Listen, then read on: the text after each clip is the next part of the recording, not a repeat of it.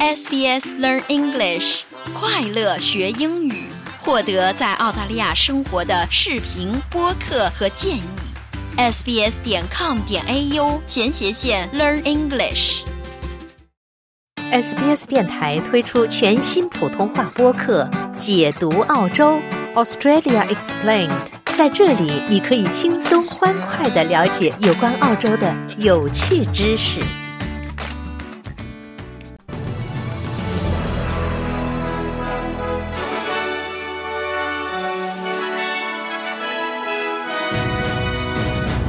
悉尼举行首页活动悼念遇害的同性伴侣。Mardi Gras 狂欢节大游行将于今天在悉尼举行。俄罗斯反对派领袖的葬礼在莫斯科举行。新报告称，全球有超十亿人患肥胖症。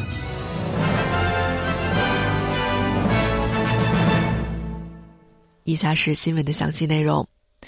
数百名哀悼者聚集在悉尼东部，向遇害的同性伴侣贝尔德和戴维斯致敬。哀悼者献上鲜花，并在悼唁簿上签名，以纪念他们的一生。悉尼联邦议员兼环境部长普利贝塞克、新南威尔士州警务部长凯特利、独立议员格林威治和悉尼市长摩尔等人出席了悼念活动。戴维斯和贝尔德的尸体于本周二二月二十七日，在距离悉尼西南约两百公里的博尔本附近的邦格尼亚的一处庄园的栅栏旁被发现，尸体被装在冲浪袋中。今天三月二日，悉尼街头将举行一年一度的狂欢节游行，闪亮的亮片和耀眼的光芒将照亮悉尼的大街小巷。不过，在贝尔德和戴维斯遇害后，对于 LGBTIQ 加群体来说，这也将是一个悲伤的时刻。游行将为新南威尔士州首府二月份的众多活动画上句号。艺术部长格雷厄姆表示，紧凑的日程安排导致酒店爆满，旅游业蓬勃发展。这标志着这座城市在经历了 COVID 时期的多次封锁后，发生了重大转变。狂欢节首席执行官贝克维斯表示，狂欢节提升了悉尼多元文化社区的地位。It is a beacon for us all, knowing that love, equality, peace, and diversity are human rights for us all. 它是我们所有人的灯塔，让我们知道爱、平等、和平和多样性是我们所有人的权利。我们知道，其他人看到游行，就会知道这里是他们可以找到安全感的地方。他们的社区将永远拥抱他们，认可他们。我们永远欢迎你们。这是我们的未来，这是至关重要的救生工作。我们要挑战现状，寻求并努力实现根本性的变革，让我们所有人都感到更安全，并被所有人接受。澳大利亚总理阿尔巴尼斯批评科技巨头 Meta 放弃了为其使用的澳大利亚新闻内容付费的协议，并表示将采取行动。Meta 发布声明称，它将于四月初取消 Facebook 在澳大利亚的专用新闻标签。这意味着 Facebook 将不再支持那些在社交媒体平台上提供新闻内容的出版商。换言之，Meta 不会删除 Facebook 上的新闻内容，只是不再为其付费。在考虑对 Meta 处以巨额罚款的同时，总理告诉《澳大利亚人报》，Meta 的计划根本站不住脚。We will consider what options we have available and we'll talk with the media companies as well. Uh. 我们将考虑现有的选择，我们也将与媒体公司进行讨论。我们知道一家公司可以从其他公司的投资中获利的想法是不公平的，不仅是资本投资，还有对新闻从业人员的投资，这不是澳大利亚的做法。您正在收听的是 SBS 中文普通话节目。听众朋友，欢迎您继续收听 SBS 电台的新闻报道。接下来，我们来关注一下国际方面的消息。俄罗斯反对派领袖纳尔瓦尼的亲属和支持者聚集在一起，在莫斯科东南部的葬礼上与他的遗体告别。葬礼在纳瓦尔尼曾经生活过的地区的圣母教堂举行。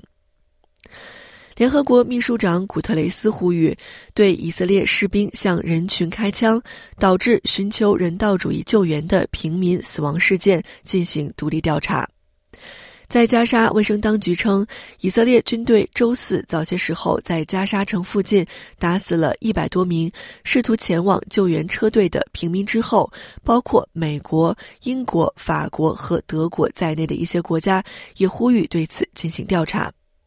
以色列称，大多数人的死亡是由于人群在向援助卡车聚集时被踩踏或碾压造成的，但以色列称，军队后来在有限的范围内向他们认为构成威胁的人群开火。在新西兰方面。新西兰旅游运营商白岛旅游公司的所有者表示，对2019年 White Island 致命火山爆发幸存者的赔偿总额开创了企业责任的先例。奥克兰地区法院法官托马斯于3月1日下令，Whiteland 所有者瓦卡里管理有限公司。白岛旅游公司和直升机公司、火山航空旅游公司赔偿近一千两百万澳元，约合一千三百万新西兰元，并处以罚款。据透露，全球有超过十亿人患有肥胖症。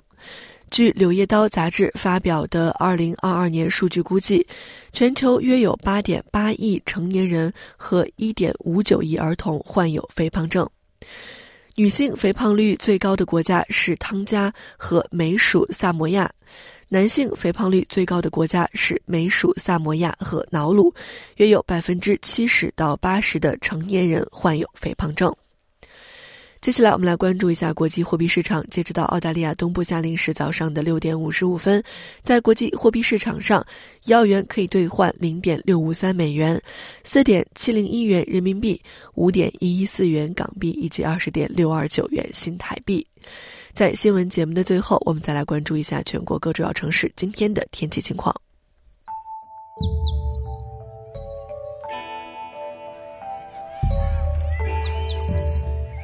悉尼今天有阵雨，最高温度二十八度；墨尔本早间有阵雨，最高温度二十度；布里斯班晴，最高温度三十三度；堪培拉多云，最高温度二十九度；阿德莱德多云，最高温度二十七度；珀斯有阵雨，最高温度三十四度；达尔文有阵雨并可能有暴雨，最高温度三十二度；霍巴特多云，最高温度十九度。听众朋友，以上新闻是由林默为您编译和播报的，感谢您的收听。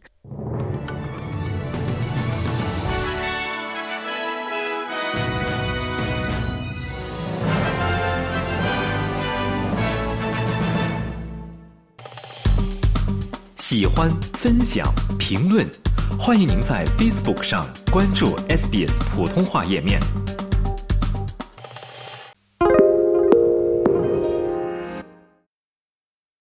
你有想过你的顾客也在听这一条广告吗？如果可以的话，您想如何把你的公司推荐给他们？SBS 是澳大利亚最值得信赖的多语广播电台，我们提供广告套餐给各种规模的公司。